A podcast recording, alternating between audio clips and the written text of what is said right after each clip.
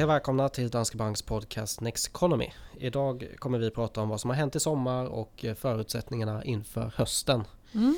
Det blir ämne för dagen men innan det så har vi veckans fråga idag och den är varför faller inflationen i Sverige inte lika snabbt som i USA? Ja det kan man ju fundera på eh, men det korta svaret är väl att vi helt enkelt ligger efter i inflationscykeln och att om man tittar på den amerikanska ekonomin så stack ju inflationen iväg nästan ett helt år tidigare. Och där var det ju väldigt eh, efterfrågedrivet. Amerikanerna hade fått väldigt mycket checkar, hade haft det väldigt bra under pandemin och så drog inflationen iväg eh, under våren då 2021 och sen så när vi kom in i 2022 så började samma sak synas i Sverige och i Europa. Mm. Men sen så bröt ju kriget i Ukraina ut och så fick vi den här energiprischocken och sen har vi haft samma infla inflationsproblematik här då. Mm. Så Men, det är väl den, den eh, korta anledningen ja. till att vi ligger efter. Men jag såg det också att det var eh, augusti tror jag det var som vi började ligga över 2% på inflationen i mm. Sverige också. Så septembersiffran som vi fick där då 2021 så det började ju men eh, som sagt USA var ett halvår tidigare och de där höga nivåerna det fick vi någonstans här vid årsskiftet det bara späddes ju på på grund av Ukraina-kriget senare sen då. Mm, eh, men eh, sen som sagt eh, energi Eh, priserna är ju en, en skillnad också. Ja men exakt, den är ju viktig för vi har så mycket gas i Europa och sen så påverkar ju det andra elpriser också då för det såg vi ju inte minst i Sverige förra vintern. Vi, vi värmer ju inte våra hus med gas i samma utsträckning som i Europa men vi fick ändå höga priser på el generellt så det har ju eh, hjälpt till att puffa upp inflationen så att säga. Ja. Men nu börjar vi se att den effekten just från energipriser är negativ och det kan man ju se på inflationen både i USA och Europa att headline när man räknar med inflation, eh, eller man räknar med energipriser, är ju lägre än kärninflationen när man tar bort dem. Mm, så att, eh, den, den bidrar ju negativt nu och precis som energipriserna spillde över positivt på andra priser så kan man ju vänta sig att om energipriserna förblir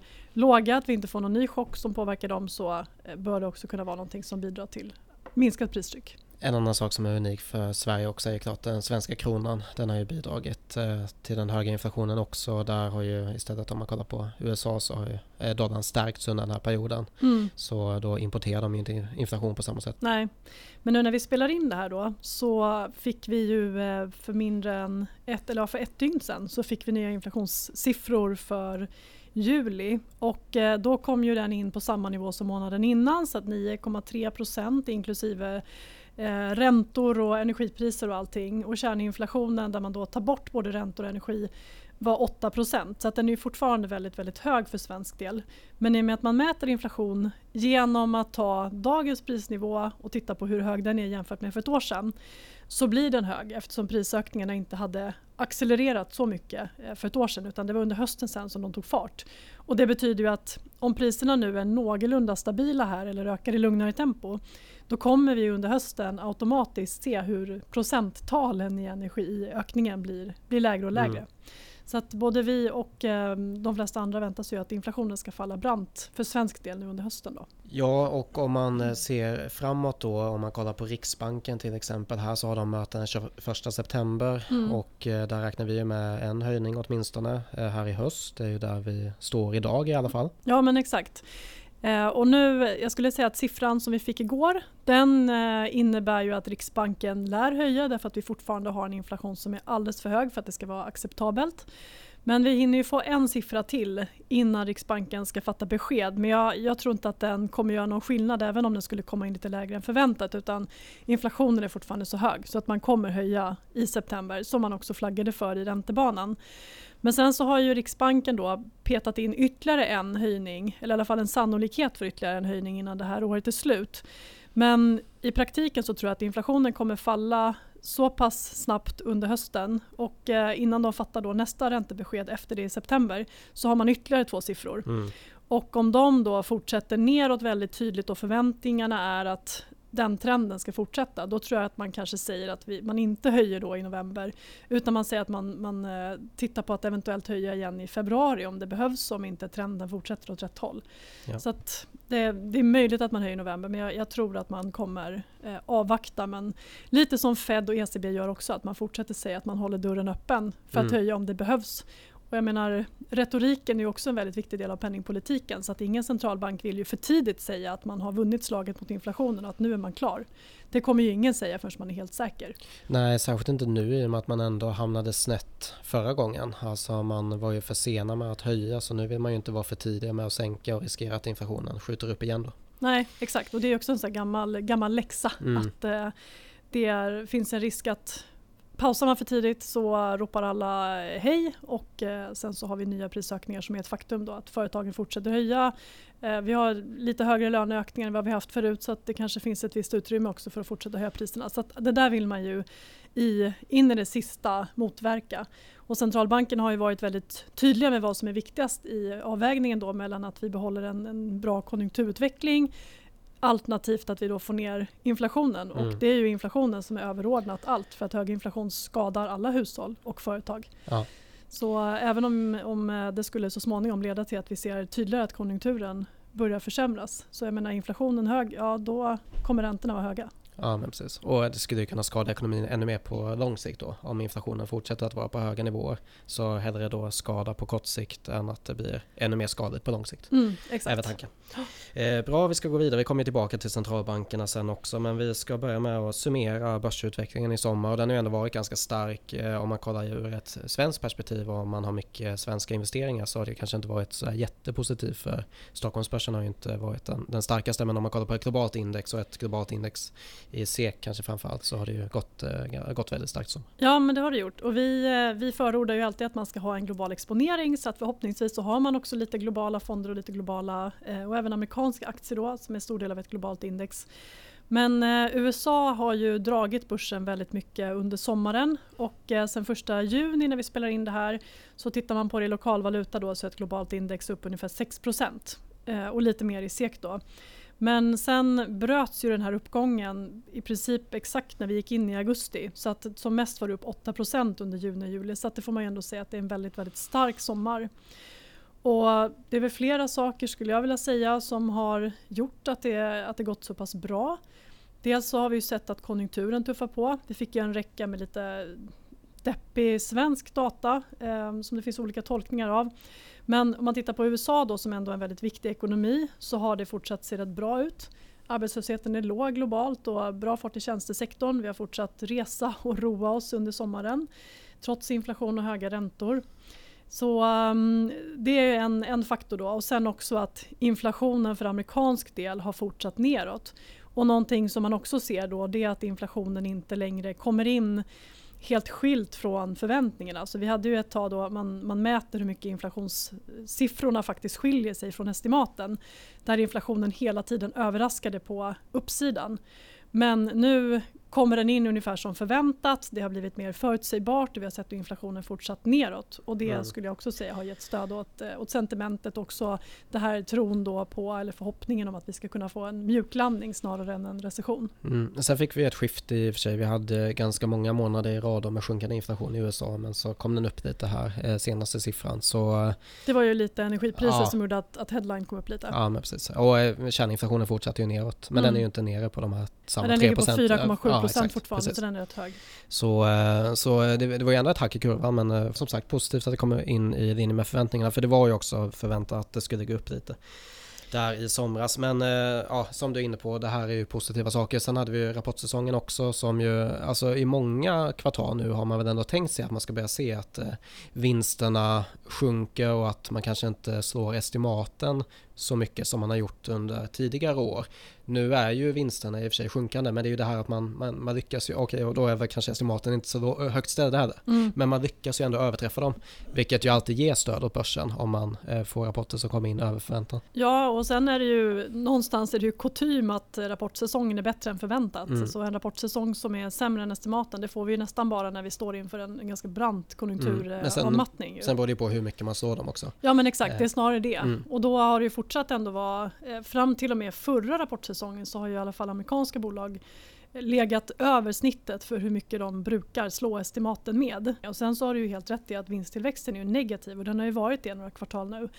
Men det vet ju marknaden om. Så att det är ju redan inprisat. Så att vad det handlar om är ju bara då hur mycket man slår estimaten och det var ju uppenbart tillräckligt mycket för att fortsätta lyfta börsen. Mm. Sen för svensk del så hade vi också en bra rapportsäsong. Men det är stabilt från bankerna. De tjänar pengar på att räntorna är högre och börserna har kommit tillbaka i år. Lite ökad riskaptit så att det är bra. Sen eh, verkstadsindustrin går ju också bra. Det var jättefina rapporter från många bolag. Men det man kanske kunde se då det är att det ändå finns lite toppkänning på konjunkturen och att även om de fortsätter då växa vinster och man, man växer intäkter så var en del av uttalanden då lite så här att, att man börjar ändå se att kunderna är lite mer försiktiga och absolut ingen lågkonjunktur. det är ju ingen som säger men, eh, men ändå att man kanske ser att efterfrågan blir lite lägre framåt och att, mm. eh, ja, lite toppkänning på konjunkturen helt enkelt. Och då tog ju marknaden väldigt mycket fasta på det. Så även rapporter som här och nu var bra och slog estimaten fick ju i många fall ett lite surt mottagande. Ja. Och Stockholmsbörsen och Europa de, den har gått i sidled egentligen sedan april. Så det har inte hänt så mycket här på på ett tag. Mm. Men och sen om man kollar på amerikanska börsen så var det ju mycket av de här tillväxtsektorerna som eh, stod för den här vinsttillväxten också. Mm. Och där har vi haft den här AI-hypen under året. Det känns som att det många nu som ändå, det, det, blir ju någonstans ändå så att när det är någonting som går uppåt snabbt att man kanske letar efter anledningar till att det ska fortsätta uppåt också. Mm. Så det är mycket, det kommer nya rapporter om vad det ska kunna innebära för produktivitetsökningen globalt, att man inför AI i, i större utsträckning i företag och sådär. Och det är sånt där som man gärna då eh, tar i sin analys för att man vill att det ska fortsätta uppåt. Mm. Så, så en, en viss hype är det ju, men sen så kan man ju också se att de här bolagen de levererar ju jättestarka vinster. Alltså IT-bolag, eh, alltså på, om man kollar på Dow Jones så är det ju mycket IT som har drivit den eh, utvecklingen, alltså mm. IT-bolagen, den sektorn. Och, men det är ju fortfarande bolag som gör väldigt starka vinster. Mm. Så, um, så visst det är en hype men, eh, men om man, kan, man har siffror bakom det så är det ju fortfarande helt okej då. Ja men det är ju det. Och sen så um, om vi ändå pratar om USA så är det en sak till man kanske skulle påpeka och det är ju att den amerikanska konsumenten är så stark. Vi fick ju också amerikanska detaljhandelssiffror igår som eh, överraskade på uppsidan. Det är uppenbart att folk fortsätter spendera pengar och att sentimentet har stärkts. Så um, starkt för amerikansk konsument och en av de bästa sektorerna i år är ju också amerikansk eh, sällanköp. Mm. Så i ett globalt index så väger USA tungt i alla sektorer men särskilt i de här tillväxtsektorerna då IT, sällanköp och telekommunikationstjänster. Och de har ju gått väldigt bra under sommaren. Sen har det vikt ner nu i början på augusti. Men det, det har varit en väldigt stark utveckling och mycket drivet av eh, som sagt starka amerikanska konsumenter. Fortsatt tillväxt för de här stora bolagen. Men det har ju också inneburit högre värderingar om man kollar på den amerikanska börsen kanske eh, framför allt. Eh, och eh, ja, det man kan se också nu är ju med tanke på att räntorna stiger så kraftigt också så alltså den här riskpremien Alltså den här extra premien som man ska få för att ta risk på aktiemarknaden den är ju ganska liten just nu mm. i ett historiskt perspektiv. Så det är ju klart att det är ju ganska så så sätt så är det ganska stretchat ändå, eh, ja. kanske specifikt då på den amerikanska börsen. Och, mm. Ja, men det har ju varit en bidragande faktor helt klart i att börsen har stigit och särskilt i USA då. För eh, om man tittar på IT-sektorn till exempel som väger tungt så har ju värderingarna kommit upp ordentligt, aktiekurserna har stigit kraftigt men när man tittar på vinstförväntningarna så har de inte alls stigit i samma tempo så där har ju värderingarna kommit upp ganska rejält. Och när vi får höga värderingar så finns det också större utrymme för besvikelser. Antingen för att vi får en ny rush på räntor eller om det plötsligt faktiskt skulle se sämre ut för bolagen. Så fallhöjden ökar väl lite. Och där sticker ju Europa ut lite då för att medan amerikanska aktier blivit mycket högre värderade så har ju europeiska inte alls stigit i värde i princip utan det har gått i sidled på börsen och värderingarna har också stått och stampat så det ser inte lika dyrt ut här. Men å andra sidan då om vi pratar konjunkturdata så kan man se att inköpschefsindex som kommit under sommaren för den europeiska industrin till exempel pekar ju i princip rakt ner. Så medan det stabiliserats i USA, vi har sett för svensk del att det vänt upp lite grann igen. Så är det ner för Europa och orderingången i industrin föll som en sten. Den var till och med under 40-strecket så det är ju liksom recessionsnivåer. Ja, den var på 33 i Tyskland såg jag. Det är ja. någon sån här rekordsiffra där också. Ja. Så det, som, men det är ju en sentimentindikator och det som har varit lite intressant egentligen hela sista året det är ju att medan de här sentimentindikatorerna har pekat rakt ner både om man tittar på konsumentsentiment och eh, som bostadsmarknad och PMI så har det sett väldigt svagt ut medan eh, hård data, så konjunkturstatistik som har kommit har fortsatt se bra ut. Mm. Så att, eh, det har funnits en stor skillnad mellan vad, vad, företagen och konsumenterna tror och hur de känner sig och vad de faktiskt gör. Mm. Men en stor anledning till det är väl ändå arbetsmarknaden. För det är väl kanske den där sista pusselbiten eh, som man brukar se det i alla fall innan man går in i en recession. Mm. Då är det att eh, arbetslösheten ska stiga hyfsat eh, eh, hyfsat kraftigt ändå. Och det har ju inte hänt utan vi har ju ändå haft en stabil arbetsmarknad eh, framförallt i USA. Ja.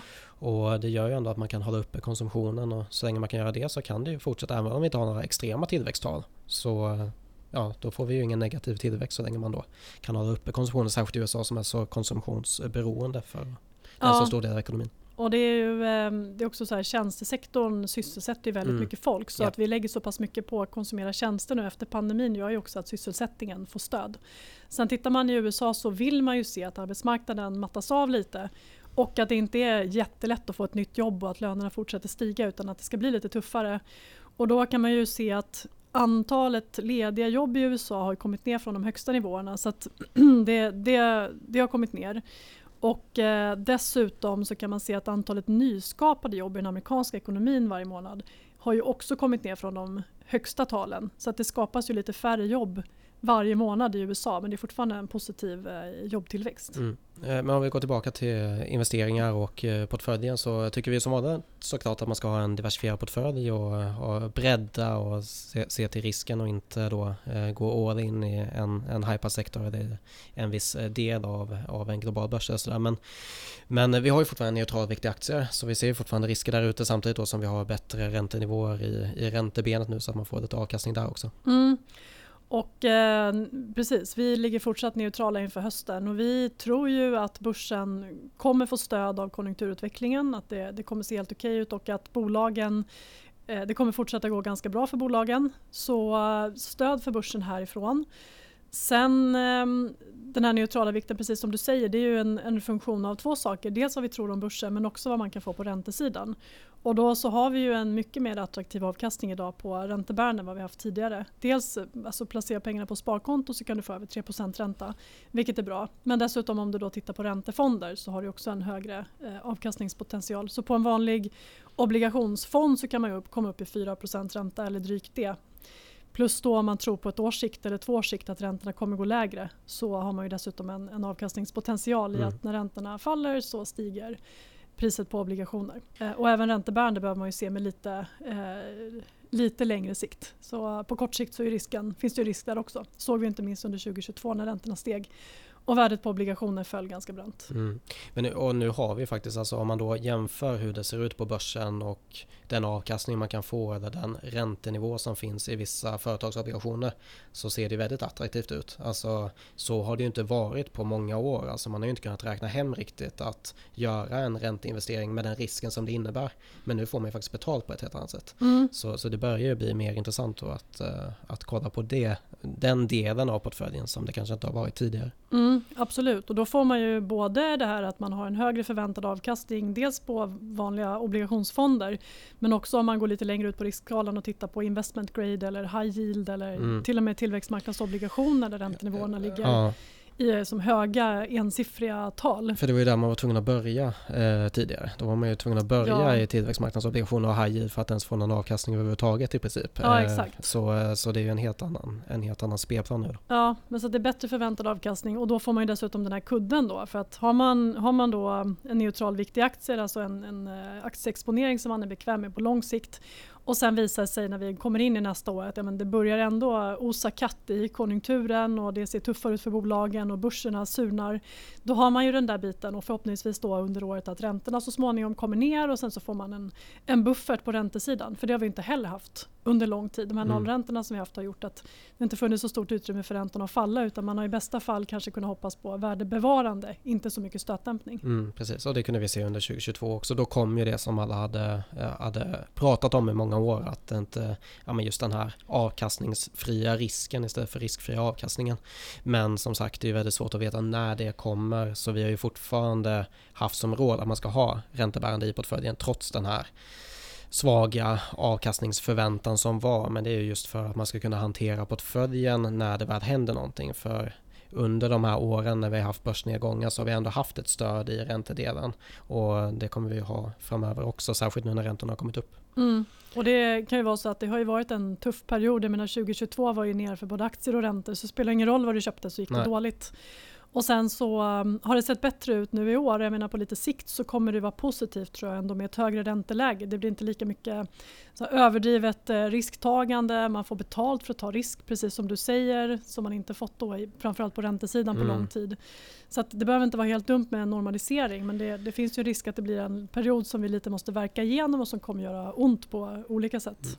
Men det intressanta under 2022 också var ju att stötdämparen var ju globala aktier i svenska kronor. Mm. Så eh, alltså, obligationsdelen gick ner ganska kraftigt eh, men hade du då globala aktier i SEK så hade du en fin resa under 2022 ändå. Ja, man tappade ju nästan ingenting. Sen finns det ju andra nedsidor med svenska kronan och att den är så svag. Ja. Eh, det har vi gjort podd om också. Men, men absolut, för avkastningen så var det definitivt en fördel 2022. Mm. Bra, vi ska gå vidare till veckans studie och Eh, det är den här gången Mind the Gap eller det är åt, återigen Mind the Gap för ja. jag har pratat om den tidigare men eh, en ny, eller deras nya studie kom ut här i början av augusti med siffror för hela 2022 också och då mäter man ju alltså fonders avkastning jämfört med fondinvesterares avkastning under den senaste tioårsperioden och då kollar man på hur stort det här gapet däremellan är på grund av vårt eget beteende och det var inte jättemycket nytt jämfört med förra årets studie men det man verkligen kunde se var att 2022 var ett tufft år för man kan se att både den ja, absoluta avkastningen och då avkastningen som investerare har fått den har ju, har ju sjunkit ganska rejält eh, om man kollar på årsavkastningen under tioårsperioden. Och något som man också kunde se när man jämför då tioårsperioden som slutar 2021 eh, är att beteendegapet i blandfonder har minskat medan gapet i sektorfonder har ökat något. Så 0,77% per år för blandfonder förra året och 0,46% nu när man också tar in då 2022. Eh, sektorfonder hade 4,25 förra året och eh, 4,38 nu så det visar ju återigen vikten av diversifiering och mm. särskilt i nedgångar. För även då om det var ett tufft år för obligationer förra året så har investerare som också hade en diversifierad portfölj med både aktier och obligationer kunnat hantera 2022 eh, bättre än de som hade mera riskfria investeringar. De som bara satt med branschfonder hade det Exakt. tuffare helt enkelt. Ja, och många hade ju tagit på sig då mycket kanske sektorrisk eller alltså mycket IT-fokus och så under 2021. Så det är klart att det är svårt att hålla fast vid det när de sjunker kraftigt under 2022. Ja. Um, och om man kollar på hur mycket av fondernas avkastning som man i genomsnitt har lyckats fånga som investerare över alla fonder så är det 6 av 7,7% per år. Så man har gått miste om ungefär en femtedel av avkastningen genom att köpa och sälja vid fel tillfällen under den här tioårsperioden. Ehm, och det ser ut som det brukar göra. Det är där det har legat 1,6-1,8% som man då tappar på sitt eget beteende per år. Ehm, några andra intressanta saker som man kunde se i årets studie det var att inflöden till amerikanska aktier var väldigt svagt under förra året. Nettot var negativt om man kollar på alla amerikanska aktiefonder och det säger ju något om investerares tendens att köpa när börsen går starkt och inte köpa när den går svagt. Eh, och eh, samma sak då att man såg att gapet har varit större inom kategorier som har akademiskt stöd, alltså till exempel småbolag eller värdebolag. Den där eventuella överavkastningen som man ska få genom att investera i de här riskfaktorerna, den har man förlorat på sitt eget beteende mm. för man har inte vågat hålla fast vid dem över tid. Mm. Och sen några tips som de ger i studien, det är ju det vi brukar prata om. Man ska ha färre men mer diversifierade fonder, man ska rebalansera och man ska månadsspara och man ska undvika de här nischade fonderna och mer volatila fonder. Eh, så det är det som vi eh, promotar mycket i den här podden. De kunde också se att man förlorar avkastning på att välja mer fond, alltså volatila fondkategorier och också mm. om man väljer mer volatila fonder inom de kategorierna. Mm. Så när det svänger kraftigt tenderar vi att göra bort oss och bästa sättet att få ner de här svängningarna det är ju att ha en diversifierad portfölj både mellan tillgångsslag och inom tillgångsslag. Ja. ja, men det låter ju eh, väldigt i linje med det som vi brukar förespråka här och jag, man kan ju förstå på ett sätt att kanske speciellt när man är ny på börsen att det känns mer lockande kanske att försöka göra klipp eller att man tittar på enskilda aktier. Man läser om det som det skrivs mest om och då tenderar det att vara om, om IT-fonder går jättebra eller tillväxtbolag eller vad det nu kan vara och sen så fastnar man där lite. Men sen ju mer man håller på och, och tittar på det och breddar sig och kanske är med om en börsnedgång och att man går från en marknadsmiljö till en annan där det man höll på med inte alls funkar så inser man ju att eh, man behöver bredda sig. Det tycker jag väl är ett bra exempel är ju eh, att titta på sig själv. Så jag tycker ju längre tid man har varit i branschen och ju mer man har tittat och gjort så desto mer väldiversifierad har portföljen blivit med åren mm. helt enkelt, inte tvärtom. Och det ena behöver ju inte utesluta det andra. Man kan ju fortfarande ha en väldiversifierad portfölj som grund och sen så kan man ha, eh, ha enskilda aktier eller enskilda teman som man investerar i ovanpå det. Ja exakt, det är väl problemet är väl att många börjar i andra mm, änden. Att man exakt. börjar med de där enskilda aktierna, sen inser man att det var jättesvårt och så startar man ett fondsparande. Ja, alternativt då att man inte, att man inte fortsätter. Ju det värsta om det var så att man kom in i den här eh, stora uppgången som vi hade 2020 och 2021 och sen så är man med om 2022 och sen så kommer man inte in igen på några år nu tills vi får nästa stora uppgång. Det Nej, precis. Man är utanför när det har gått ja. ner och man egentligen borde vara där och köpa. Mm. Mm. Bra, med det ska vi ta och eh, avrunda för idag. Vi kommer snart släppa en ny Houseview här inför hösten så det blir ett avsnitt här om några veckor veckor och då kommer vi prata mer om hur vi ser på marknaden och hur vi tycker att man ska placera sina pengar. Ja exakt, den kommer i början på september så att eh, då kör vi ett eh, avsnitt med mer fördjupning i allokeringen inför hösten och eh, ja, hur vi ser på börserna framåt helt enkelt. Mm. Och eh, ni får som vanligt gärna följa oss på Twitter och ni får gärna ställa frågor i vårt frågeformulär som vi har i avsnittsbeskrivningen så eh, kommer vi ta upp de frågorna här framöver. Och eh, kommer förslag på nya ämnen också. Mm. Och sen får man gärna besöka vår nyhetssajt som heter Next Economy och eh, där hittar ni både våra poddar, ni hittar krönikor och eh, andra marknads och investeringsrelaterade nyheter. Så nexteconomy.se. Mm. Och med det så tackar vi för idag och så hörs vi igen. Tack för att ni lyssnat. Ha en fin vecka.